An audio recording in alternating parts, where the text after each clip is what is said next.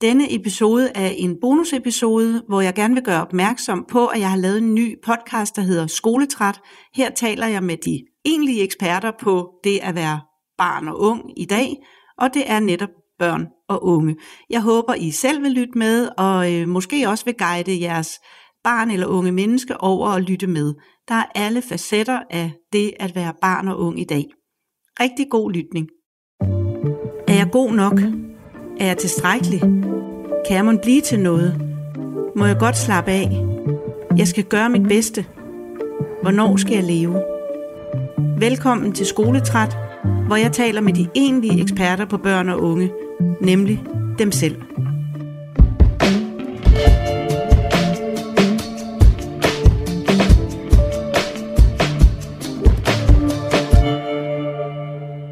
Jamen, velkommen til dig, Noah. Jo, tak. Og tusind tak, fordi du vil være med til at gøre os klogere, endnu klogere på det her med at kunne køre skoletræt Ja. og alt andet omkring ungdomslivet. Vi to vi har kendt hinanden siden maj 2017, og du er... Hvor gammel er du egentlig? Jeg er 23. Du er 23, så vi har kendt hinanden fra du var 16 år gammel. Ja. Og øh, dine forældre henvendte sig til mig, øh, fordi at de oplevede, at du ikke havde det så godt. Øh, og de fortalte mig, at de selv havde indtryk af, at du var meget intelligent, og at du var meget perfektionistisk, og øh, de havde, kunne bare fornemme simpelthen på dig, at øh, du havde brug for nogen, der ikke var dem, til at snakke med. Og det viste sig at være et rigtig godt match med Ja. os to, så, øh, så vi har sådan on and off øh, kendt hinanden i alle de her år. Nogle gange går der et halvt år, og nogle gange er der måske endda også gået et år. Øh, men så kommer du ind imellem, og vi lige får snakket om, om de ting, der er svært i rigtig meget jo omkring hele ungdoms, altså uddannelses, uddannelseslivet og, øh, og det sociale liv og alle sådan nogle Mm. ting. Mm. Ja. Øhm, men til at starte med, så kunne jeg tænke mig, at du skruer tiden lidt tilbage og Ja. fortæller lidt om din folkeskoletid, som du husker den. Øhm, jamen umiddelbart, øh, jeg har gået på to folkeskoler. Øh, en frem til til og med 5. klasse, og så skiftede jeg. Øh, og jeg husker det øh, som om, at jeg fagligt altid havde det godt. Øh, og at jeg var... Jeg husker ikke, at jeg var dygtigere end de andre. Altså sådan har jeg aldrig haft det. Nej. Øhm, fordi det, det var ligesom ikke gået op for mig, at det var nødvendigvis på den måde. Øh, I hvert fald ikke i de, de små klasser.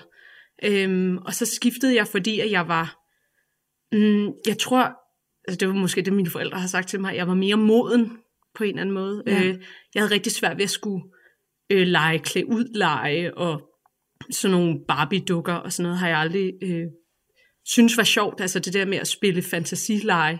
Øh, og så var der en skole, som øh, startede i 6. klasse, øh, så alle var nye, så man kunne få en ny, øh, en ny begyndelse med en masse nye mennesker, så man ikke var den nye i klassen. Ja. Øh, øh, min mor har også sagt, at de fik at vide til, til forældremødet på min første folkeskole, at jeg altid var, øh, altså når man, folk ligesom, man blev givet sådan nogle skemaer, hvor man skulle rate, hvem er dine venner, og hvem er, eller sådan noget, husker Okay, jeg det ja. som, inden man skulle til de her forældremøder.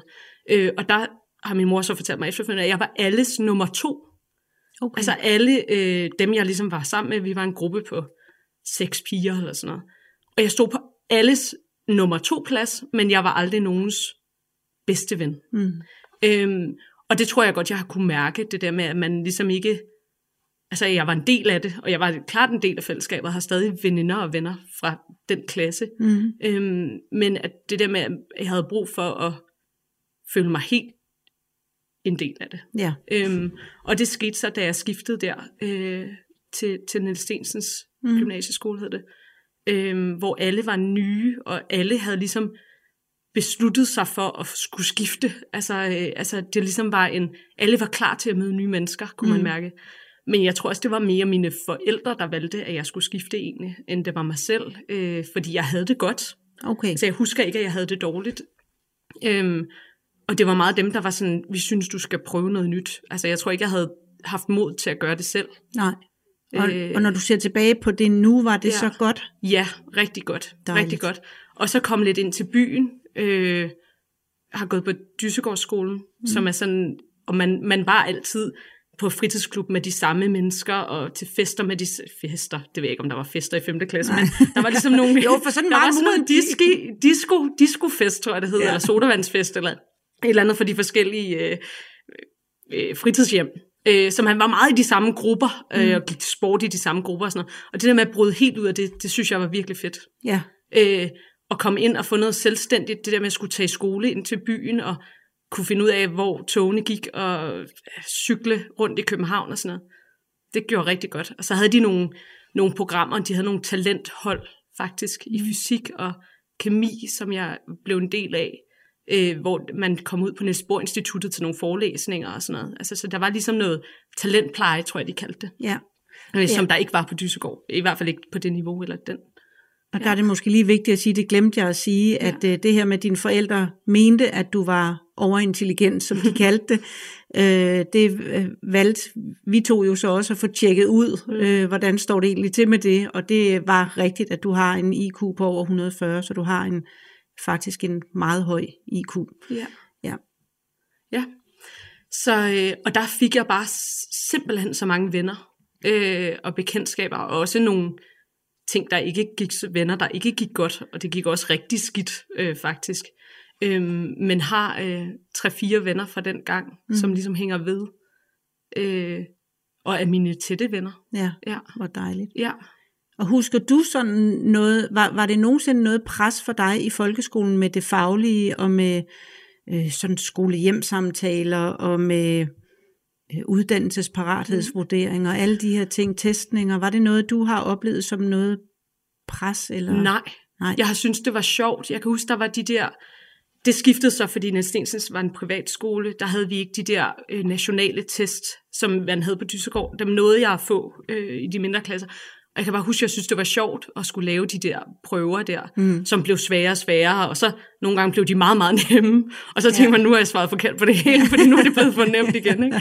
Øh, så det ligesom artede sig efter ens niveau. Ja. Øh, jeg, jeg husker ikke at have været nogensinde været presset til, til de der. Og parathedsvurderingen der i 8. klasse var heller ikke noget, jeg husker ikke, det var noget, vi snakkede om, eller noget, vi snakkede om, var noget, man skulle tænke sig om, eller Nej. nu skulle man gøre en ekstra indsats.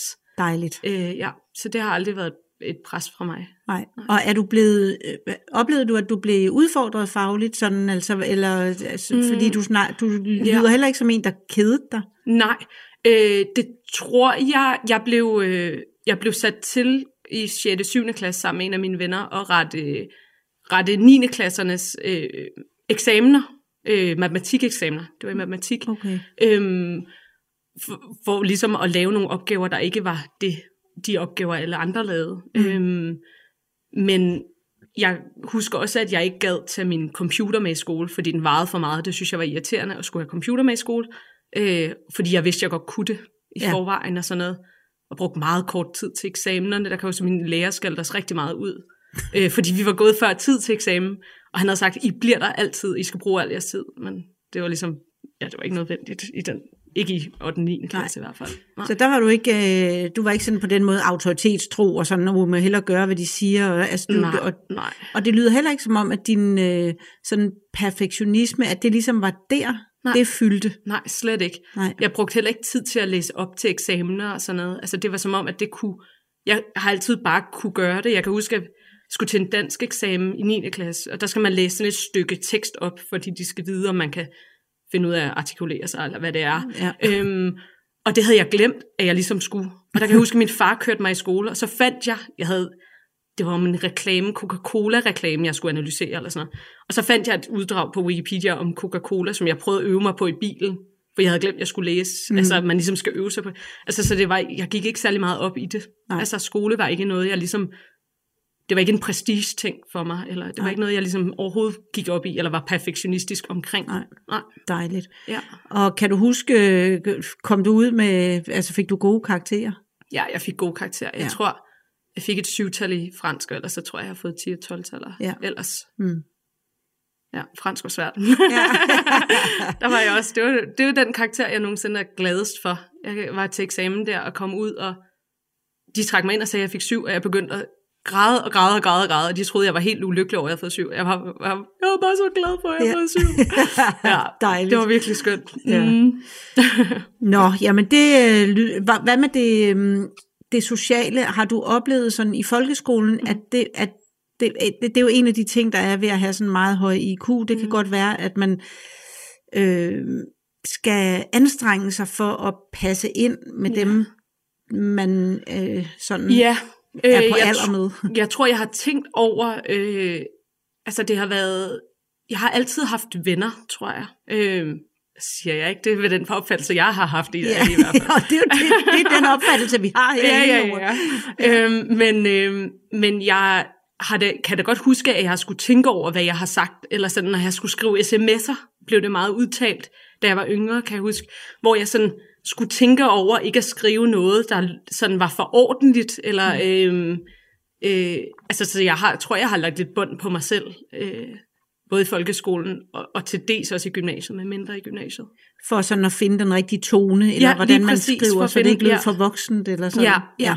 Okay. Øh, og jeg tror også, jeg har været sådan, at jeg har været meget bestemmende måske, øh, som yngre også, eller Mm. sådan, og må, måske lidt grov i mit sprog, kunne jeg forestille mig. Ja, Øh, jeg Meget ikke, tydelig. Meget tydelig, ja, Ja. ja, ja, det er i hvert fald også sådan, jeg oplever dig. ja, ja. Øhm, ja, så, øh, så skulle du så starte i gymnasiet. Mm. Det var du ikke i tvivl om, at du skulle i gymnasiet. Nej, det har bare været, det var det, man, man gjorde, havde jeg Ja, ja. sagt. ja. Ja. ja. Øh, og jeg- jeg har ikke engang tænkt over. Nej. Og jeg lærte dig jo så først at kende der i slutningen af 1. G. Ja. Øh, kan du fortælle lidt om, da du så startede på gymnasiet, hvordan det var? Ja. Øhm, jamen, jeg synes, at det var en ret naturlig overgang, altså sådan rent fagligt i hvert fald, for det fra folkeskolen til at komme på gymnasiet, altså til at lave den, øh, det skift der. Selvfølgelig var der da en, en ændring i nogle af de fag, man havde, og i måden, man ligesom går i skole på. Man var lidt mere selvstændig mm. i det. Øhm, men jeg husker det ikke som om, at der var sådan et kæmpe skift, øh, sådan det med, når du møder op til timerne og lytter til, altså, øh, nu er jeg ved at kalde det forelæsninger, det hedder det jo ikke, når man går i gymnasiet, men øh, når man ligesom var til time mm. øh, og, og lavede opgaver i timerne og sådan noget. Der, hvor jeg så den store forskel, var til afleveringer. Altså, det, det blev nogle langt større afleveringer, mm. og der var flere af dem. Ja. Jeg husker slet ikke i folkeskolen, jo selvfølgelig havde man matematik aflevering, men jeg husker ikke, at der var mange afleveringer. Nej. Hvor i gymnasiet er det, det, det, er det, jeg husker gymnasiet for. Det er de der afleveringer, man skulle kæmpe sig igennem. Ja. Der var mange af dem, synes Ja. jeg. Ja. Og så var der øh, jo også, jeg kan huske noget af det, vi snakkede om som det første, det var øh, det, der hedder puttefester. ja. Vil du ikke prøve at fortælle, hvad det er for noget, og Jo. hvordan det blev oplevet af sådan en som dig? Ja, øh, jamen puttefester er øh, gymnasium med tre årgange. Der er det 3.G, drengene og pigerne, der udvælger sig de første G, drenge og piger, som de synes er lækre, eller de kender, eller som er deres søskende. Der er jo også nogle relationer, eller noget familiemedlemmer, og sådan noget. Det går også lidt på kryds og tværs. Men det er ligesom øh, dem, de udvælger til at skulle være de populære måske, mm. øh, eller dem, de regner med bliver populære, og dem inviterer de til en middag. Drengene for sig, drengene inviterer piger, 3.G piger inviterer 1.G drenge, øhm, og inviterer til en middag, og øhm, eller en middag, en middag og fest, og hvor der er nogle lege og nogle øh, aktiviteter, der omhandler alkohol og øh, ja, jeg har jo ikke været der, men øh, jeg har da venner, der har været der, så det Mm. måske, jeg er måske heller ikke helt. Øhm, men det har været sådan noget med, at jeg kan huske, da vi gik i, da vi gik i 1.G, der fik, det er ligesom i nogle grupperinger, der mm. laver de her, for det er jo ikke hele 3.G-årgangen, det er jo en gruppering, som er en drengegruppe, der har fundet hinanden. Måske var det dem, der blev inviteret til puttefest i 1.G, Ja. øhm, som stadig holder sammen og har en gruppe. Øhm, og de, øhm, de fik produceret en flaske vin, hvor der stod, øh, hvor der var invitationen var ligesom på labelet fra den der flaske vin, hvor der stod, hej, og øh, du, vel, du er inviteret til det her. Det blev ligesom stillet ud i skolen, skoletiden, så pigerne, okay. altså første G-pigerne rendte rundt med de her flasker vin hele skoledagen, ikke? så man kunne se, hvem der ligesom var de udvalgte og sådan noget. Hvem der var de udvalgte Ja, og der stod sådan noget, lækre? tag dine højeste hæle på, og din korteste kjole. Okay. Det var Ej, ligesom øh, invitationen, ikke? Ja. Øhm, og jeg har øh, en af mine tætteste veninder, der var inviteret dengang, og mange fra min klasse øh, var også inviteret, og nogen jeg har, har været venner med meget. Så det var også den, den der med, det skabte lidt en splid i, altså for mig i hvert fald, fordi vi var en vennegruppe, øh, og jeg var ikke en del af den, øh, den, den gruppe, øh, Mm. den gruppe piger, der blev inviteret til det. Og det gjorde jo, at de blev ved med at holde fast i hinanden, og det var også, de inviterede os til puttefest, da de blev 3G'er, eller da mm. vi alle sammen blev 3G'er, inviterede de første G-drengene til puttefest. Og der var jeg jo heller ikke en del af at invitere de første G-drenge til puttefest. Ikke Nej. fordi jeg nødvendigvis havde, et- havde et ønske om at skulle være en del af det, men mere, at de gik jo til fester sammen, og det var dem, der boede sammen, og de tog på sommerferie sammen og holdt øh, julefrokoster sammen og Mm. sådan noget. Ikke? Øhm, og der var der især øh, to piger fra min klasse, som jeg var tæt med, som jeg var i en gruppe sammen med, som også lavede det, som, som tit øh, brugte deres fester og deres tid på det. Ikke? Altså, Mm. Fordi det var den, de populære, det var dem, man gerne ville ses med, når man var social. Ja. Og så kunne jeg godt fungere, når jeg var øh, som ven, øh, når vi var i de enten privat eller øh, i skoleregi, altså i, Ja. under, i undervisning. Ikke? Jo. Øhm, så det skabte da en del splid, og der var, Mm. jeg kan da huske fra første G, det der med hierarki, altså det er ligesom man ser på film, var der et bord i kantinen, hvor ingen turde sidde, fordi det var ligesom 3G-drengenes bord. Okay. Øhm, og der kunne man ikke, altså der var det sådan, ej, der kan du ikke sætte dig. Altså Ja. det var sådan en, det var, det var ikke engang, det var ikke engang udtalt, det var ligesom bare sådan var det. Det vidste man bare. At det vidste man bare, at det bord derovre i hjørnet, der skulle du ikke, altså du kunne heller ikke sidde der, selv hvis skolen var lukket på en lørdag. Altså der var ingen, der rørte det bord. Nej, okay. Øh, det var meget sådan, øh, og det skabte jo en helt vildt dårlig dynamik, mm, altså, ja. og en, og en præstationskultur for at præstere på noget popularitet og noget ja. sådan noget. Ja. Og jeg kan huske, at du, øh, at du dengang også havde, det, at vi sådan snakkede meget om, at du, du ikke var valgt ud til at være med, Ja. men du, og det var, du, det var du selvfølgelig ked af, og samtidig Ja. var du også glad for det, for du havde Ja. heller ikke lyst til at være en del af det. Så Nej. det der sådan øh, dilemma mellem at, at blive valgt fra, eller ikke blive valgt til, men samtidig egentlig heller ikke rigtig have lyst til det. Ja. Altså, det synes jeg også er sådan Ja. meget Jeg kan huske, at min far sagde til mig, at øh, hvis jeg var blevet inviteret, havde jeg ikke fået lov til at tage med. Ja. Øhm, fordi det skulle jeg bare, altså det der kunne man ikke, han ville have holdt mig hjemme, altså han ville Ja. have øh, låst døren og stået vagt, ikke? Jo. Øhm, men, øh, og det kan jeg huske, jeg blev virkelig ked af, altså hvor jeg tænker, tænk at du, hvilket jo jeg synes, at havde været en færre beslutning, mm. øh, men tænk at du vil afholde mig fra at få de venner, og få det fællesskab, altså fordi det er jo, at være i den, fordi det gik jo igen, det var jo ikke det første år i skolen, det var jo både første G, 2G og 3G, ikke? Altså det Ja. blev jo ved gennem hele skoletiden.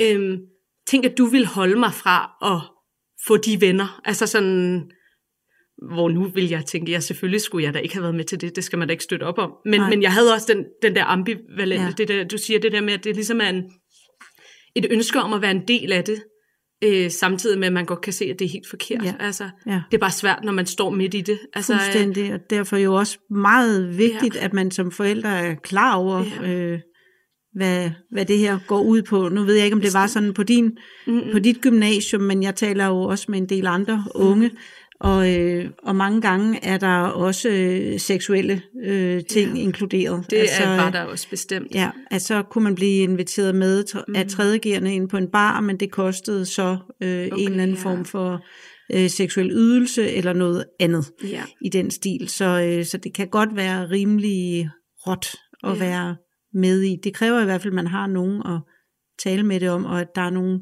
voksne, der er klar over, altså sådan rigtige voksne, der er klar over, hvad det egentlig vil sige. Jeg synes jo også navnet puttefester, altså jeg ved godt, det kan komme af lille put, Ja. øh, men det kunne også godt betyde noget andet jo. Jo, ja. Ja. Ja, jeg tror ikke, altså for det ved jeg også, det kan jo også være, fordi folk ikke har ville sige det, at det har, hvis det har været sådan rent handelsvare Mm. nærmest, ikke? Øhm, men jeg tror da klart, der var en forventning om, der var der nogle af mine veninder, der har i hvert fald kysset på nogle fyre, eller lavet andet med dem, Mm. mm. hvor, hvor de ikke nødvendigvis bagefter har været stolte af det. Altså, at det har været nogle, nogle drenge, de ikke har været, hverken været forelskede, mm. eller synes interessante, men det ligesom har været fordi de var tredje G'erne, ikke? Altså det var Jo. det, man gjorde, eller det forventes ligesom, at man bød op til dans mm. på Mm. en eller anden måde. Ja. Så det var i hvert fald noget af det, der fyldte, og dermed ja. selvfølgelig også det sociale liv, fordi det er jo klart, at det går ind og, øh, og, og gør noget ved hele dynamikken, at der Mhm. ligesom er nogen, der er udvalgt til at være de populære, eller de lækre, eller øh, Ja. hvad det nu end er. Ikke? Jo, jo. Ja. Øh, og hvad, hvad, altså, da jeg mødte dig, var du jo meget presset. Ja, Øh, det var i slutningen af første G. Du var meget presset, stresset, ja, øh, angst også faktisk. ja. Du var ekstremt forvirret, og øh, kunne ikke rigtig hit hoved og hale på noget som helst. Øh, kan du selv huske det, da du kom ind til mig? Og, Øhm, jeg kan faktisk ikke huske, nu sad vi lige og snakkede om, hvornår Mm. vi mødtes første gang og sådan noget. Øh, jeg, jeg kan faktisk ikke huske, hvornår. Altså, jeg kan ikke huske, om det var 9., 1., 2., 3. G. nej, Altså, det er blevet sådan lidt... Øh, jeg har fortrængt nogle ting, tror jeg, mm. eller det er blevet sådan lidt en, en stor øh, blur af, af ubehagelighed, måske lidt ja, øh, rent skolemæssigt i hvert fald. Øh, at det, jeg tror, jeg, har været, jeg var så presset, at jeg ligesom ikke kunne øh, finde ud af, hvornår den ene dag startede, og hvordan den anden dag sluttede. Ikke? Ja. Ja. Altså sådan, at det var ligesom en lang, øh, virkelig sej kamp for Mm. at komme igennem det. ja. Ja. Og, øh, og det var jo, som du var inde på tidligere, også rigtig meget alle de her afleveringer. Ja, bestemt. Ja. Ja. Jeg kan, jeg kan huske, det kan du sikkert heller ikke huske, mm. men jeg lavede sådan noget med dig, hvor du skulle tegne sådan nogle cirkler, jeg, fordi du samtidig fortalte mig, at du også havde tre fritidsjob ved siden af. Ja. Så jeg tænkte helt naturligt, det tror jeg, der er mange, der vil gøre, når, men altså, hvis du er så stresset, så skal du nok bare stoppe med de der fritidsjobs. Ja. Men så kan jeg huske, at jeg lavede, så du lavede sådan nogle cirkler, og hvor jeg ligesom skulle se, hvor hentede du egentlig energi henne. Mm. Og der blev det meget tydeligt for mig, at der, hvor du hentede din energi, det var faktisk i dine fritidsjobs. Ja. Øh, så det havde jo været katastrofalt, hvis jeg havde anbefalet dig, at du skulle stoppe med dine jobs. Ja. Så det var virkelig meget gymnasiet, der, øh, der pressede dig. Ja, Ja. ja. det var øh, skole, det skolemæssige, altså, øh, ja, jeg, jeg er jo i tvivl om, hvor det kommer fra, men, men at det var, øh, tingene hobede sig op, og det var sådan en, jeg havde ikke lyst til at lave en aflevering, hvis jeg ikke vidste, vidste at jeg kunne gøre det godt nok. Nej. Altså, fordi jeg vidste godt, at jeg på det tidspunkt, altså det har jo så været på et eller andet tidspunkt i løbet af første G, begyndte jeg at gå rigtig meget op i mine karakterer. Mm. Mm. Øhm, og, og øhm, altså, øhm, jeg kunne huske, jeg havde en veninde, vi, vi begyndte at sige sådan noget med, ikke alt over 02 er spildt arbejde, men alt under 12 er spildt arbejde. Altså man kunne lige så godt lade være. Øh, Okay. det ved jeg godt, det var, men det sagde vi da tit. Ja. Alt under 12 er spildt arbejde. Nu skal vi, vi skal da kæmpe for at gøre det godt, altså Mm. fordi ellers har vi jo ikke forstået det hele. Jeg tror, det var det, der var min logik. Hvis jeg ikke får 12, så er det jo fordi, jeg ikke har forstået alt, hvad der skulle forstås. Ja. Altså, øhm, så har jeg ikke gjort det godt nok. Øhm, Og det var rent faktisk noget, der først kom i gymnasiet, for det havde ja. Du slet ikke i folkeskolen. Nej, nej, der tror jeg, jeg tror måske, at det er fordi niveauet er steget lidt, at jeg har skulle kæmpe lidt mere for at følge med, Mm. øhm, at det er kommet lidt mere naturligt i folkeskolen. Men altså i, i folkeskolen var jeg også øh, vildt glad, jeg kan få et tital, eller sådan, der ja. var ikke, det var, altså hvis jeg fik 10 eller 12, var jeg virkelig lykkelig. Mm. Øh, hvor det, jeg blev ked af et tital i gymnasiet. Og det ved du simpelthen ikke, hvordan det kom ind. Jeg ved ikke, hvordan det startede, nej. Nej. Og det var ret tidligt, fordi øh, man efter et halvt år i gymnasiet har man sådan en øh, øh, almen sprogforståelse og almen studieforberedelse, tror jeg det hedder. Mm, det Nej, det kan det. godt være, det hedder. Jo. Okay, men man har sådan en naturvidenskabelig, sådan en øh, grammatik-latin-prøve og naturvidenskabelig prøve. Øh, og de tæller ikke Nej. øh, på dit endelige karaktergennemsnit, men de står på dit karakterblad. Og det er ligesom den første karakter, man får, den første eksamen, man skal til i gymnasiet. Og, sådan noget. og jeg gik så meget op i, at jeg bare skulle have 12. Og det tæller jo ikke engang. Altså, Nej. det tæller ikke. Nej. Og det er så ulogisk, ikke? Fordi der skulle man da bare have haft det sjovt og drukket en øl mere og sådan noget. Men jeg, øh, jeg skulle bare have 12 i det der, for det kom jo til at stå på mit eksamensbevis. Mm. Så jeg tror, det er den der hele tanken om, at hvis jeg ikke gør det godt nu, så kan det være, at jeg i fremtiden ikke kan få et godt studiejob, eller en, øh, jeg vil ikke kunne blive ansat, eller jeg kan ikke få den uddannelse, jeg gerne vil. Ja. Og jeg anede ikke, hvad jeg ville, så det var ikke, jeg stilede heller ikke efter noget, men det var ligesom bare en, øh, en tanke om, at, øh, at det kunne være, at det her kunne påvirke mig negativt, hvis jeg ikke øh, gav alt, hvad jeg kunne nu. Ja. Ja. Og så kunne man jo godt fristes til at tro, at det er sådan noget, der kommer inden fra dig selv. Ja. Øh, og det, når nu du siger, at du aner ikke, hvor det kommer fra, ja.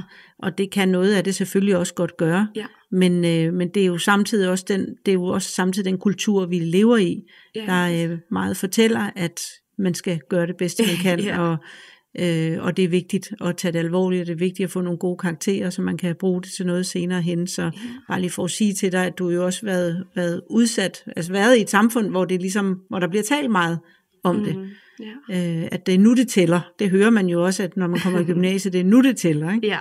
Øh, og det gør det jo også. Det skal man jo også. Altså det er jo selvfølgelig ikke AP og alt det der, men det tæller jo selvfølgelig, fordi mm. det tæller jo til, det, man ender jo med at få et gennemsnit, som kan give adgang til nogle bestemte uddannelser. Ja. Så på den måde er det da også svært bare at skulle sige, nej, men øh, det skal du ikke tage dig af. Og jeg kan godt huske også, at vi snakkede om det der AP, det gør jeg jo stadigvæk også, når der er nogen, der starter, så Ja. prøver ligesom at sige, "Men det betyder ikke en skid, og sådan, Nej. men så siger de jo også rigtigt nok, hvorfor skal, hvorfor skal vi så lave det, altså hvis det ikke betyder noget? Nå jo, men det gør det også, men det betyder ikke noget rent sådan karaktermæssigt, Ja. fordi det kan jo godt være noget, man lærer noget af, uden at, at man skal have en karakter for det. Altså, ja, ja, ja, ja. Så det var i hvert fald noget af det, der pressede dig Ja. øh, rigtig meget. Hvad så, da du kom i 2G? Blev det så, øh, og 3G? Sådan, hvis du sådan skal se tilbage på din Mm. gymnasietid, hvordan vil du så sige, du havde det i de år?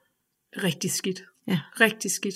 Øhm, jeg havde det jo sådan, at jeg, øh, og det, jeg tror kun, det blev gradvist værre faktisk, øh, indtil jeg fik øh, eksamens, øh, hvad hedder det, læseferie i 3G, Ja. hvor der ligesom blev lettet det der med, at man ikke skulle i skole hver dag og sådan noget. Mm. Jeg var så, øh, har jeg jo tænkt over nu, når vi skulle snakke, øh, jeg var så træt.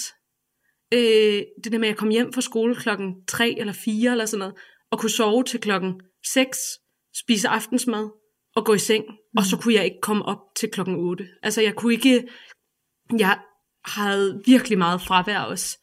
Øh, jeg tror 20% i 2G og 25% i 3G. Mm. Øhm, fordi jeg ikke kunne komme op til de der morgenmoduler. Ja. Altså, jeg, jeg, og jeg ved ikke, om det også er noget med at være teenager, og man har brug for mere søvn. Øh, det var helt umuligt. Altså, Ja. jeg var så træt. Ja. ja. Øhm, og så kunne jeg ikke tage mig sammen til at skulle lave en aflevering. Altså, øh, hvis der var en stor samfundsfagsaflevering, øh, hvor man ligesom skulle analysere nogle ting og i forskellige Øh, og jeg vidste, at den skulle afleveres om mandagen, og jeg havde afsat weekenden til, at det skulle, der skulle den laves. Så lå jeg havde dårlig samvittighed en hel weekend. Ja. Øh, og så blev det mandag, og så ville jeg hellere, eller jeg begyndte at skrive noget, og så ville jeg hellere lade være med at aflevere, end at aflevere noget, der var halvdårligt og halvfærdigt, hvor jeg ville få 0,2 eller 4 eller sådan noget. Mm. Øhm, fordi jeg vidste, at det ikke var mit potentiale. Altså, Ja.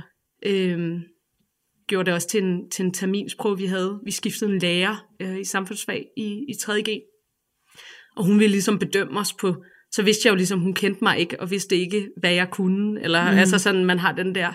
Øhm, så der var også en terminsprøve, hvor jeg tænker, jeg kan ikke det her. Mm. Hvor jeg endte med at sidde i fire timer, eller fem timer, eller hvor lang tid det nu var, og kigge ud i luften og aflevere blankt, fordi jeg tænkte, hvis jeg afleverer blankt, så ved hun, at der er noget, der er gået galt, ikke? Ja. Øh, hvor hvis jeg afleverer noget, der er lidt halvdårligt, så, Så tror hun bare, så tror hun bare, jeg er dårlig. Ja. Ja. Øh, hvor jeg kan ligesom forsvare stadig, at jeg skulle have en god karakter, hvis jeg afleverer helt blankt. Ja. Altså, Ja. det var ligesom min, min logik i det. Så helt afsindig, udmattet og træt. Ja, Øh, husker du, om du også var ked af det?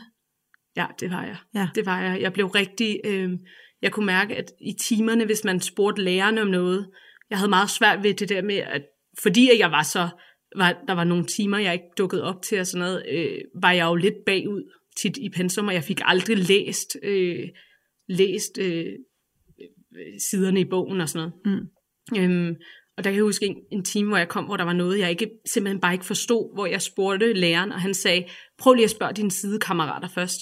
Hvor det havde jeg slet ikke, altså jeg skulle ikke inddrage andre i det, jeg ikke kunne. Altså sådan, øh, jeg havde ligesom svært ved at skulle øh, gøre mig måske lidt sårbar over for de andre egentlig. Ja. Øhm, og, og det der med, hvis de skulle forklare mig, når jeg ikke engang helt vidste, hvad det var, jeg skulle spørge om, og sådan, altså det blev sådan en rigtig, hvor jeg var sådan, hvorfor kan du ikke bare lige forklare mig, hvad Ja. det går ud på? Og det, det brød jeg helt sammen. Det var tit, jeg gik også. Jeg tror en gang hver anden uge eller sådan noget, blev jeg nødt til at, fordi jeg ikke kunne styre, altså jeg bare begyndte at græde, og kunne Ja. slet ikke være mig selv. Hvor jeg blev nødt til at tage mine ting og gå, altså midt i en time. Ja. Øh, Og det er jo også en virkelig vigtig pointe, det der med at bare spørge de andre, men hvis man dårligt nok ved, hvad man skal spørge Ja. om, fordi man mm, er, er kørt så langt ud, Ja. så, øh, så er det virkelig, det kræver et overblik, man jo slet ikke har på det tidspunkt. Og jeg tror bare heller ikke, jeg havde brug for, for jeg vidste jo godt, at jeg ville blive ked af det, ved at skulle spørge om de der ting, jeg ikke kunne finde ud af, fordi det jo ikke, har aldrig været rart for mig, ikke at kunne finde ud af tingene. Nej. Øhm, og så skulle sidde og være ked af det med nogle sidekammerater, man måske ikke er så tætte med, eller mm. altså, det var sådan, jeg tror også, det var den der med at få støtten fra en voksen på en eller anden måde, Ja. at øh, det havde jeg virkelig brug for. Ja. Øh, Ja. At der var en voksen, der ville hjælpe mig, eller Mm. sådan ville sige, at det nok skulle gå, og sådan noget. Ja. Ja. Og var du sådan en, der gik meget til fester og drak meget alkohol? Og det er ikke sådan, jeg husker øh, det, men... Øh, Nej, jeg, øh, jeg gik ikke, jeg var ikke til fester. Jeg har aldrig, øh, det snakker jeg også tit med mine venner om, fordi det tror jeg er meget specielt. Jeg har aldrig haft det pres, at nu er det fredag, nu skal jeg finde på noget at lave. Eller sådan, hvad skal vi lave på fredag? Altså det, jeg har haft det lige så fedt ved at sidde derhjemme og se en film, eller øh, lave noget helt andet. Altså Ja. jeg har ikke haft det der pres med, at nu er det weekend, nu skal vi jo ud og lave noget. Nej. Øhm, men jeg glædede mig sindssygt meget til, der var fester. Mm. Altså på skolen eller arrange- andre arrangementer, fordi jeg kunne drikke alkohol. Øh, Ja. Og kunne og blev tit så fuld, at jeg aldrig nåede med til festerne. Altså fordi, at jeg, jeg kunne slet ikke styre det, Nej. men øh, synes, at det var virkelig genialt fedt at være fuld. At være så fuld, at man ligesom ikke kunne, at man har bare danset og kan ikke huske, hvor du har været halvdelen af aftenen og sådan noget. Øh, det lyder underligt, men det slappede jeg virkelig meget af i. Men hvis du skal Øh, tænke over det nu, fordi ja. øh, hvad tror du så, det er? Det er det der kontroltab, tror Mm. jeg. Det der, øh, og det der med at være sådan lidt hæmningsløs, det der med ikke at skulle tænke over, om man siger de rigtige ting, eller um, at være med til de fester, hvor man måske bare har det sjovt. Altså Mm. at der ikke er skole og stress og ja og samtaler, at det mere bare er sjov og ballade. Ja. Altså, ja. for jeg kan huske, at jeg kunne gå en hel uge og glæde mig til, at der var fredagsbar om fredagen, hvor vi skulle, og vi havde en anden plan efter. Og så nåede du at blive så fuld, så du ikke var med til resten. Ja, ja. Øhm, ja, og jeg havde rigtig svært ved, jeg kunne huske, jeg så på mine venner og tænkte, hvordan kunne I, hvordan kan I stå på en, vi gik også rigtig meget på klub, det var sådan en, der var sådan en klubkultur på det gymnasie, jeg gik på. Hvordan kan I stå på en klub, og jeg havde lige været ude og brække mig og sådan noget, og så stadig tage en ny drink. Sådan var jeg altid, jeg skal bare have en mere. Ja. Hvor jeg var sådan, hvordan kan du finde den grænse, hvor du stopper? Altså, mm. hvordan ved du, hvornår du skal stoppe, inden, ja. inden du skal... Altså, nu har jeg fået, hvor det kender jeg jo godt nu, Ja. at nu kan jeg godt mærke, puh, ej, hvis jeg drikker en drink mere, så går, går det galt. Øhm, Og det er faktisk vigtigt, Ja. at du kan det nu, Ja, fordi der er jo sagtens. nogen, der, Ja. ja. der ikke kan det, og derfor har problemer med det. Men det, Ja. det siger mig, det er, at det måske nok handlede rigtig meget om, at du netop bare skulle, øh, altså at presset til daglig var så stort, så Mm. nu skulle den bare gives gas, Ja. og, øh, og måske også, fordi du jo også havde angst og, øh, og noget depression, altså Ja. øh, så at det ligesom øh, lettede ja, at drikke alkohol. ja, Især i forhold til angsten i hvert fald. Jeg ved jo, når jeg skal op og flyve, der tænker jeg tit over, hvor er det godt, det er en flyskræk, jeg har, og ikke et eller andet, der er mere dagligdags. Fordi at øh, når jeg tager en gin og tonic eller to, så forsvinder angsten jo med det samme. ja. Øh, eller den forsvinder ikke, den bliver dulmet. Mm. Så, øh, så det er øh, det. Men det vigtige her er jo i virkeligheden bare, at øh, når man snakker om unges øh, alkoholkultur, sådan i det hele taget, så kunne det jo godt også hænge sammen med, at der bliver drukket noget mere, for at, fordi det hele er blevet ekstremt øh, seriøst i gymnasietiden. ja, det tror jeg bestemt, fordi sådan, sådan drikker jeg overhovedet ikke længere. Nej, Altså, og det stoppede nærmest den dag, jeg gik ud af gymnasiet. ja præcis. Der var lige en studenteruge, og man tager også på Roskilde en gang imellem. Der kan det jo Ja. også nogle gange blive lidt for meget. Men ellers er det ikke en, det er ikke en ting, jeg har haft med Nej. øh, videre. Og oplevede du på, på gymnasiet, at der var sådan et gruppepres i forhold til at drikke, eller var det dig selv, der ligesom tænkte, nu skal jeg fandme bare give den gas her? Kunne, man, kunne du godt være mødt op uden at drikke? Det har jeg gjort nogle gange, fordi jeg skulle på arbejde dagene efter. Mm. Øhm, og det var bare kedeligt. Altså, så jeg tror ikke, der kedede jeg mig bare, fordi Okay. det var ikke så sjovt. altså, fordi det var svært, fordi alle var fulde, så er det svært at være en del af. Øh, altså, at skulle snakke med mennesker, der er meget fulde mm. og vælter rundt, når man ikke selv er det. Det var ikke sådan skide fedt. Nej. Øhm, men jeg tror, det kan godt være, at der er nogen... Jeg tror aldrig, jeg har følt mig presset til det. Mm. Jeg tror mere, det har været en gruppe... Øh, dynamik, kan man sige det, at fordi alle drikker, så er det sjovt at også være en del af fællesskabet, Mm. mere end at det, om det var et pres. Øh, jeg tror aldrig selv, jeg har set det som et pres, Nej. men det kan jo godt være, at, at, at det har været det, fordi at det var det, man gjorde. Mm. At vi havde haft en lige så sjov afslappende aften, hvis vi ikke havde drukket alle sammen, eller Ja. Ja, men du oplevede i hvert fald ikke det et pres Nej, i forhold nej, til det. nej. Så det var meget dig, der bare skulle ligesom fuck it, og så nu skal jeg bare Ja. have det sjovt og øh, have nul bekymringer og bare drikke mig i hegnet. Ja, lige Og præcis. det gjorde du så. Og det gjorde jeg. Ja. Øh, jeg ved ikke, om du kan huske det, men i 3.G, hvor, altså, jeg, jeg følte jo, jeg var jo på sidelinjen rigtig meget, selvfølgelig på sidelinjen, for det var jo dit liv. Øh, men jeg følte virkelig, virkelig, at det var en meget hård kamp for dig at få den studenterhue på. Ja. Øh, og jeg ved ikke, om du kan huske, at jeg var i kontakt med din studievejleder, øh, og Nej. skrev med din studievejleder, og du på en måde var lidt på sådan Jo. øh, nedsat schema. Nu og, når du siger det, kan jeg godt huske Ja, og noget med ikke at, at slå dig, nu laver jeg godseøjne her, Ja. ikke at slå dig i hovedet med dit fravær, hvor, øh, fordi at, øh, at det her ikke handlede om, at du ikke kunne klare det, Ja. sådan øh, det faglige, men Mm. det var der jo en risiko for, at du ikke blev færdig. På et tidspunkt kunne du slet ikke overskue at skulle tage 3.G færdig. Nej. Og der havde du altså en virkelig, virkelig god studievejleder, kan jeg bare Ja. huske, som, øh, som, som lyttede til, hvad jeg både sagde og skrev. Øhm, Ja, der skete et skift der i 3.G. Ja. Øhm, fordi jeg havde været så... Altså jeg ved ikke, hvordan jeg var kommet igennem det i 2G, men øhm, der var jeg kommet igennem og lavet de afleveringer, jeg tror, jeg blev nødt til at lave. Og så skete der et skift i, i 3.G på et eller andet tidspunkt, hvor at, øh, jeg tror, at hun, studievejlederen der, har haft...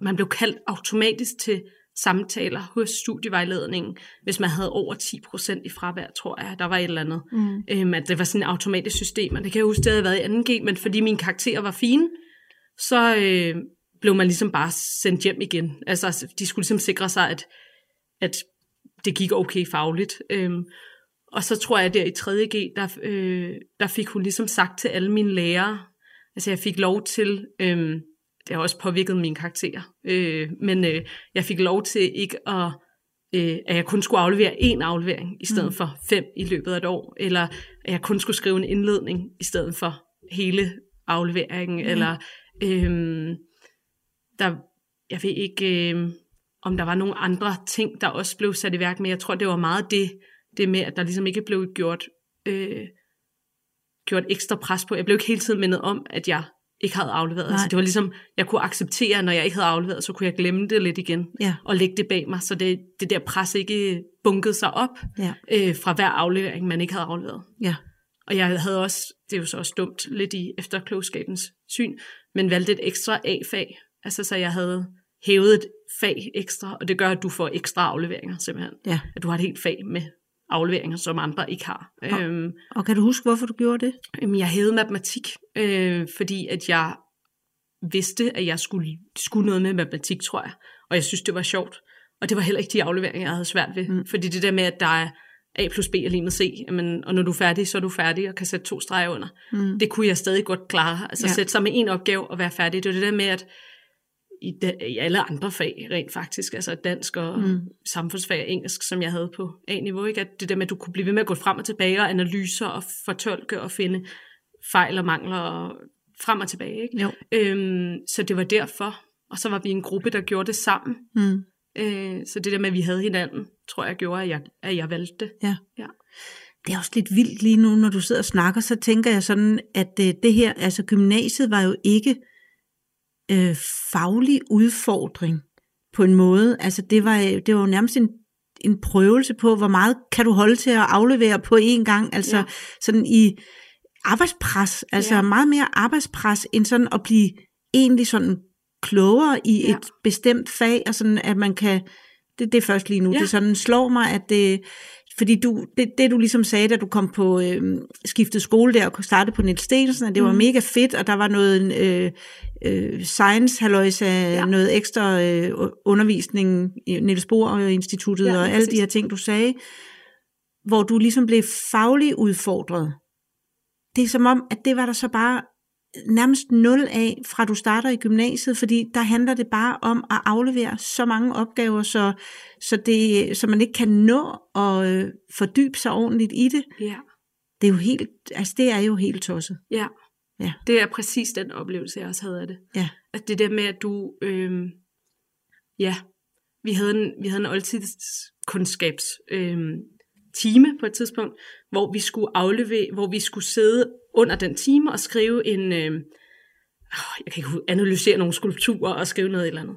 Og vi havde så siddet og knoklet, og vi var en gruppe på tre, tror jeg, og arbejdede os sindssygt hurtigt igennem det, og skrev sider op og sider ned. Jeg tror, vi nåede at skrive tre-fire sider på de der tre kvarter, vi havde til det. Eller, mm. altså, øhm, og havde virkelig presset os selv alt, hvad vi kunne. Ja. Øh, og jeg kan huske, at det var meget udmattende. Altså, og, og der kan jeg huske, at vores lærer hævde vores... Øh, jeg har været så ked af det efterfølgende, for vores lærer hævde vores øh, besvarelse op og holdt op foran klassen. Ikke, at de skulle se, hvad vi har skrevet, men sagde, at øh, prøv lige at se, hvad man kan nå på tre kvarter. Nej. Øh, hvorfor er I andre, altså det kan ikke være rigtigt, at I andre kun får skrevet fem linjer eller ti linjer. Hvor jeg tænkte, shit mand, jeg skulle aldrig have gjort, altså, for det var så hårdt, altså mm. altså sådan, at skrive det, jeg husker det bare så tydeligt, hvor jeg var sådan, nej, hvor har jeg gjort os alle sammen en bjørnetjeneste ja. ved at gøre det her, fordi det er ikke det, du kan forvente af os. Altså det er fordi, at vi satte os, og nu har vi ikke snakket, og vi har ikke fået en pause, og vi har ikke drukket vand, og vi sprang vores spisepause over, jeg ved ikke hvad, ja. for at komme igennem med det her og gøre det allerbedste. Og nu er det det, der er dit øh, standard. Dit standard. Ja. ja. Øhm, der har jeg bare været lidt ked af, at jeg har gjort efterfølgende, fordi jeg tænker, det er jo helt urealistisk, at man skulle kunne nå det der. Altså, ja. jeg ved godt, vi nåede det, men det var så urealistisk, at ja. det var det, der... Øhm, ja, ja, det, det var det, der ske. kom til at, at sætte standarden for, hvad der kan I se, hvad man kan nå, hvis man virkelig strammer ballerne ja, sammen. Hvorfor, og... hvorfor strammer I andre jer ikke sammen? Ja. Jeg tror måske også, der har været nogen, der har lavet for lidt. Altså, ja, ja. Det, det, det er der jo altid. Men, ja. men øhm, ja, det har jeg været lidt ærgerlig over efterfølgende, at, ja. jeg, at jeg har brugt så meget tid på den der. Ja, man skal passe på med at vise, hvad man kan. Ja. Nogle gange skal man heller ja. ikke vise, at man er god til at lave mad og alt muligt andet. så bliver man hurtigt sat til at være den, der skal gøre det. Mm. Ja, ej, jeg forstår, jeg forstår jeg faktisk virkelig godt. Ja. Øhm, og øh, kom, du, øh, kom du ud med et snit, du var glad for af gymnasiet? Du må ikke sige, hvad du fik, Nej. men kom du ud med noget, du var tilfreds med og glad for? Ja, jeg kom ud, øh, jeg forstår stadig ikke helt, hvordan det skete. Men jeg er kommet ud med et snit, så jeg kunne vælge at vrage i det, jeg havde lyst til. Ja. ja. Øhm, og det... Så det viser jo også, at jeg har måske brugt lidt for meget energi på det, på en eller anden måde, synes jeg. Ja, eller ja, det, det, jeg mener stadig, at det du brugte for meget energi på, var det her med alle afleveringerne. Ja. Altså mere end at, altså jeg tror faktisk, du uanset hvad, øh, hvis ellers ikke du var gået, blevet helt underdrejet, så ville du klare dig rigtig godt, fordi mm. dit øh, kognitiv, som det jo så fint hedder, potentiale er så stort, som det er, og din ekstreme altså vilje. Du vil virkelig gerne jo øh, gøre tingene godt, og du synes, ting er spændende, hvis ellers der er tid til det, ja. så synes du jo faktisk, det meste i hele verden er sindssygt spændende. Det er faktisk sjovt, fordi det der med at have tid til det, jeg, øh, fordi jeg har læst ud på DTU nu, så, og jeg har haft samfundsfag og engelsk i gymnasiet, så skulle jeg læse nogle fag op. Jeg skulle ligesom have fysik og kemi og sådan noget, som jeg aldrig har haft i gymnasiet. Øhm, og det havde man på sådan nogle efterlæringskurser, øh, hvor jeg læste dem op i tre uger, tror jeg, man havde sådan et kursus, øh, afhængig af, hvordan var ledes. Og det synes jeg var det sjoveste nogensinde. Og jeg kan huske, at vi jeg, jeg kunne jo det hele. Altså, jeg blev spurgt efterfølgende af vores lærer, om jeg ikke ville være hjælpelærer til de næste, fordi jeg klarede det så godt. Eller mm. det der med, at jeg, jeg havde så... Jeg kunne få lov til at fordybe mig i det og lære det. Og jeg har jo lært meget mere i de der seks uger der, ja. end jeg har i hele mit dansk pensum i gymnasiet, føler jeg, ikke? som var jo. tre år. Ja, præcis. Altså, at... Øhm, wow, hvor var det en fed, altså det husker jeg stadig som det fedeste måde at gå i skole på. Altså ja. også her nu, når jeg går på universitetet, er det stadig ikke det samme, vel? Men at de der uger, hvor jeg læste fysik og kemi op, og hvor jeg bare kunne få lov til at, at lære det fra bunden af, ja. og have tid til at forstå alting, ja. og stille spørgsmål til det, man ikke forstod og sådan noget. Ja. Og det synes jeg virkelig ja. også er en vigtig pointe i forhold ja. til, hvad hele ideen også må være med at skulle uddanne sig. Det må mm. jo da for Huland da være, at man kan få lov til at fordybe sig i det, man er i gang med at uddanne sig til. Altså, ja. Og i gymnasiet er det jo, ved jeg godt, mange forskellige fag. Det er også i det hele taget lidt underligt, at man skal springe fra det ene til det andet, til det tredje, til det fjerde, og afleveringer i tre forskellige, vidt forskellige fag på, på to dage måske, og ja. andet. Men det, det er, øh, ja, det var lidt en aha-oplevelse, jeg lige fik nu selv, af det der med, at, øh, at det ikke er fordybelsen og det faglige, der ligesom fylder, det, det kommer til at blive arbejdsmængden, arbejdspresset, Ja. der, øh, der kommer til at fylde. Og også arbejdsmængden og arbejdspresset, der så giver den der lyst til måske at gå ud og bare drikke hjernen ud. Ja. Øh, fordi at øh, det, he, det hele bliver for hårdt på en eller anden måde, og for seriøst. Øh, ja. ja. Men nu Jeg er du jo... Ja. Jeg er er meget imponeret over dem, der har kunne gøre det i hvert fald. Ja, Kæft for det sejt. Dem, Ja. ja. havde, dem var der jo et par stykker af, også i min vennegruppe i gymnasiet, ikke? som kunne gøre som kunne få lavet alle afleveringerne. Og læse pensum og til hver time og sådan noget. Ikke? Ja, Wow. ja. Ja. Meget sejt. Og kravene er jo desværre ikke, øh, de er ikke blevet slækket på. Altså, Nej. de, øh, det, er ikke, øh, det er ikke blevet mindre, man ligesom man skal lave i dag. Øh, men nu er du så kommet på universitetet. ja. Hvordan øh, har det skift været? Jeg ved Øhm. godt, du øh, inden da også har været ude at rejse, og været, du har Ja. været på højskole. Det er måske lige lidt vigtigt at sige. Du har taget dig nogle, nogle oplevelser, lavet nogle dannelsesår, hvor du Ja. har lavet noget andet. Og så ja, du jeg så, havde meget brug for at vælge, hvad jeg havde lyst til at lave, Ja, og ikke skulle lave noget, som, som ligesom var, øh, var nogle andre, der skulle lave det. Jeg ville meget gerne have været på ski, mm, og være skiguide, øh, men så fik jeg at vide, at så skulle man kunne snakke tysk. Jeg ville til Østrig. Og så skulle man have tysk kurser. Og så også den der tanke om, at jeg skulle op og bedømmes igen på at blive guide, og man skulle igennem nogle kurser og nogle, noget præ. Det skulle jeg bare ikke, kunne jeg mærke. Det havde ellers været drømmen hele gymnasiet. ja. Øhm, så jeg skulle bare ud og rejse og lave noget, der ikke krævede øh, mental, øh, på den måde mental øh, Ja, styrke. Ikke? Og det har du klaret rigtig, rigtig, rigtig godt. Ja. Altså det har Ja. bare været super fedt, Ja. og ja, bare for at sige, at øh, der er masser af ting, som bare kører der ud af for dig. Ja. Øh, ja.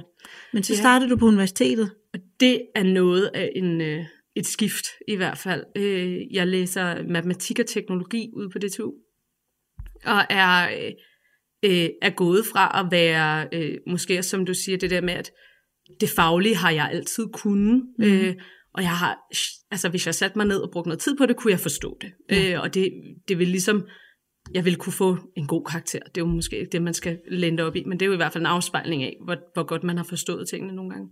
Øh, det kan man ikke bare Nej. på universitetet. Der øh, blev jeg godt nok, fik jeg et stort chok af, hvor lige pludselig ikke at være øh, top 10, 5% i en klasse, men øh, måske være at være helt middelmodig øh, i forhold til det, man skal lave, og ikke kunne forstå tingene, Ja. og ikke kunne ikke engang vide, at jeg kan bare sætte mig ned og læse bogen, og så forstå det. Altså at, at acceptere, at der er ting, man slet ikke kan, Mm. øh, eller har svært ved at lære. Øhm, det har godt nok været et stort skifte, Ja. øh, og har været virkelig, har, har været virkelig presset i det, øh, Ja. og ikke synes, det var særlig sjovt faktisk. Nej, det kan jeg da Ja. godt forstå. Ja. Men tror du, det er en god ting at lære? Er det en god ting at opleve? I både ja og nej. Øh, hvis, hvis, hvis det er i en periode eller i nogle enkelte fag, DTU kører sådan, at man har øh, fem fag samtidig, øh, og så har man et kort fag, og så har man fem fag samtidig og et kort fag, og det er ligesom et skoleår. Okay. Øhm, så man har ligesom seks fag på et skoleår, eller på et øh, semester. Mm. Øhm, og hvis det måske var et ud af de fem fag, der var sådan hvert skoleår, der bare var svært. Øhm, men når det er tre ud af seks, eller fire ud af seks, Mm. så er det meget tungt at Så det. trække sig igennem. Ja. ja. Det er jo så også det, jeg føler, jeg gør. Trækker mig igennem det. Ja. ja. Og springer over, hvor gaden er lavest, og vælger de fag, hvor jeg ved, at det er, de er nemmest, eller Ja, øhm, i stedet for at vælge måske af lyst, eller... ja. Ja. Og det er, selvom det er jeg, noget, ja. jeg plejer at hylde det der med at springe over, hvor gader er lavest. men, øh, men det er klart, det skal ikke være, fordi man, altså, hvis der var noget, man havde mere lyst til, så, så er det selvfølgelig ikke, så, Ja. så er det jo heller ikke at springe over, hvor gader er lavest, så er det vel i virkeligheden at, at successikre sig selv lidt. Det er jo det. Øh, Ja. ja vi har, der er et fag derude, som, som jeg tænker var meget relevant for, for, for den, øh, det studie, jeg har. Men der er 40 procent, der dumper. Altså øh, det er karaktergennemsnittet er på ja, 0,2, øh, nej ikke 0,2, men 2-3 stykker eller sådan noget. Og det turde jeg simpelthen ikke tage. Og det, det snakker man meget om. Jeg har også en veninde på mit studie, som også kunne vælge det nu. Hun mangler et fag her på vores bachelor. Øh, men hun tør ikke vælge det. Og jeg havde det på udveksling. Ja. Øh, fordi jeg, jeg tør ikke være fanget i det, fordi at når man læser en bachelor og, og tager et fag, så skal man bestå det fag, før man kan blive bachelor. Mm. Øhm, så der er ligesom, så må man gå til reeksamen og reeksamen og reeksamen og søge om ny reeksamen, for man har kun to eller tre eksamensforsøg. Øhm, og ellers så kan man bare ikke, så man ligesom bordet fanger, øh, når man ja. først er i det. Og det tør man bare ikke. Altså, Nej. fordi, og især hvis de andre har klaret det, og man så sidder med det alene, hvis man har en studiegruppe. Ja. Så det er faktisk øh, virkelig presset også. Virkelig presset. Ja. Virkelig presset. Og, og hvad tænker du om det her med snakken om at skære i kandidatuddannelsen? Ja, øh, jeg tror ikke, at det vil ske ude på DTU. Nej. Har jeg på fornemmelsen, at det ikke er et af de steder, det vil ske. Øhm, altså på en eller anden måde synes jeg også, det kunne være rart, hvis der ikke, det vil jeg godt lyde mærkeligt, men hvis der ikke øh, var lige så store forventninger måske, når man kom ud. Altså det der med, at jeg, jeg tit fået at vide, når man, du tager en bachelor, men så kan du ikke rigtig få et job, før du har taget din kandidat. Altså mm. fordi det er det, vi gør. Øh, jeg tror mere, jeg kan mærke det i det med, at der er blevet skåret rigtig meget i de her. Nu har jeg jo ikke taget kandidaten endnu, mm. så det er jo svært Nej, at sige. Ja, det er rigtigt. Øh, men, men at der er blevet skåret rigtig meget i de her bacheloruddannelser, ja. i forhold til hjælpelærertimer og aflever, altså hvor mange afleveringer man har, så man kan blive bedømt undervejs i løbet af året, så hele ens karakter ikke er det der øjebliksbillede på en fire timers skriftlig eksamen, som 9 ud af 10 vores fag er. Okay. Øhm, og det er simpelthen, fordi der ikke er råd til, at de kan rette vores afleveringer undervejs. Øh, og det kan jeg godt mærke presser. Ja. Men man har en helt anden, det vil jeg så sige, at forskellen til gymnasiet, det er, at man kan jo udskyde det. Ja. At der er ikke nogen, der siger, at du skal klare det på tre år på din bachelor. Nej. Jeg har for eksempel udskudt nu med et halvt år, så jeg skal har ligesom forlænget min bachelor med et halvt år. Ikke? Ja. Øhm, og, og det kan man gøre, i hvert fald på DSU, ja. øh, uden videre. Altså der går du ind og øh, siger, tilføj et semester. Ja. Og så er det det. Altså ja. du skal ikke spørge om lov, og der skal ikke ske noget. Så det gør man bare. Ja, og det øh, synes jeg er rigtig vigtigt, ja. man ved det, for det kan man nemlig også på ja. andre uddannelser. Og ja. det har været sådan en hjemme hos os, hvor jeg i hvert fald har hørt mine børn sige, udskyd alt, hvad der kan udskydes, og ikke for, ikke for at feste, og ikke for alt muligt andet, men simpelthen for at kunne følge med, altså for at kunne nå at tage alt det ind, man gerne vil have ind. Ja. Og der er det, det synes jeg bare er vigtigt, at man er klar over det, at det ikke taberagtigt, og det er ikke noget som helst andet, det er i virkeligheden bare at, øh, at få det hele til at hænge sammen. Ja. ja. Vi er lige ved at være færdige nu, men jeg kunne tænke mig, det har jeg ikke øh, forberedt dig på, så det kan være, at du ikke har et svar på det, men hvis du kunne øh, komme med et par gode råd til undervisningsministeriet, hvad, hvad skulle det så være? Åh, oh, der er jo i hvert fald, den er jo ændret, det der med, at du kan skifte undervejs. Ikke? Altså, jeg sidder jo i en situation, hvor jeg er meget i tvivl om, jeg har valgt den rigtige bachelor. Ja. Øh, fordi jeg går meget surt i det, og jeg synes ikke, at det er særlig sjovt, det jeg sidder i lige nu. Øhm, men altså, hvis jeg skulle have smidt de her tre år på porten, øh, fordi jeg ikke måtte skrive min bachelor, fordi så var jeg fanget i, at jeg aldrig kunne læse en anden bachelor. Ikke? Wow, hvor det rart at vide, at man, nu gør jeg det færdigt, mm. og nu har jeg ikke i gåsøjne spildt de her tre år. Ja. Øhm, jeg gør det færdigt, og så kan jeg vælge om at tage en ny bachelor, hvis det er det, jeg har lyst til. Altså, ja. at man ikke er fanget i en eller anden, fordi... I uddannelsesloftet. I uddannelsesloftet, ja. ja. Øhm, og, og jeg tænker da også, at det gør der en kæmpe... Nu ved jeg godt, at det, nu, er den, nu er uddannelsesloftet der ikke længere, men gør, giver en kæmpe ro til folk. Og det kan man da også høre rundt mm. omkring, og hvor mange ville skifte. Altså, nu har jeg siddet og sagt, åh, oh, men det kan være, at jeg vil læse noget andet. Men jeg tror da på, at jeg fortsætter på mm. den her sti, ikke? Øh, især når jeg har så mange færdigheder, og man kan alle de der ting, ja. hvor ting har smidt alt det væk og spildt, også hvis man skal se det sådan samfundsmæssigt, spildt alle de penge på nogen, der har taget tre års uddannelse, mm. og så mm. lade være med at gå op til det sidste fag, fordi at man ikke vil. Eller ja, og jeg tror da også, at man får flere, der så gør sig færdige, fordi at man netop, altså jeg tror da nok også, at jeg nok ville have anbefalet dig at stoppe, hvis der havde ja. været et uddannelsesloft, mm. fordi du var, har været så meget i tvivl. Ja. Ja. Men når man ligesom ved, at det ikke er noget med bordet fanger, så gør man det selvfølgelig færdigt, hvis man på nogen måde kan, fordi man ved, man har den luft, der ligesom siger, men ellers tager jeg noget andet. Ja, der er en mulighed. Ja, der så der er der mange flere, tror jeg, der bliver færdige. Ja, ja. Så det synes jeg var, øh, jeg ved godt, det er ændret, men så ja. øh, taler vi i hvert fald også for, at det bliver ved med at være ændret. Ja, det er godt nok en, øh, en rar følelse at have. Ja. At man ligesom ikke øh, har bundet sig ja. for evigt. Ja. ja.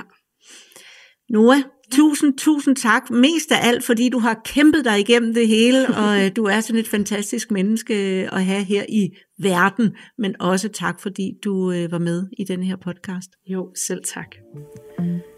Imens jeg har dig, vil jeg gerne henvise til en lille guide, jeg har lavet.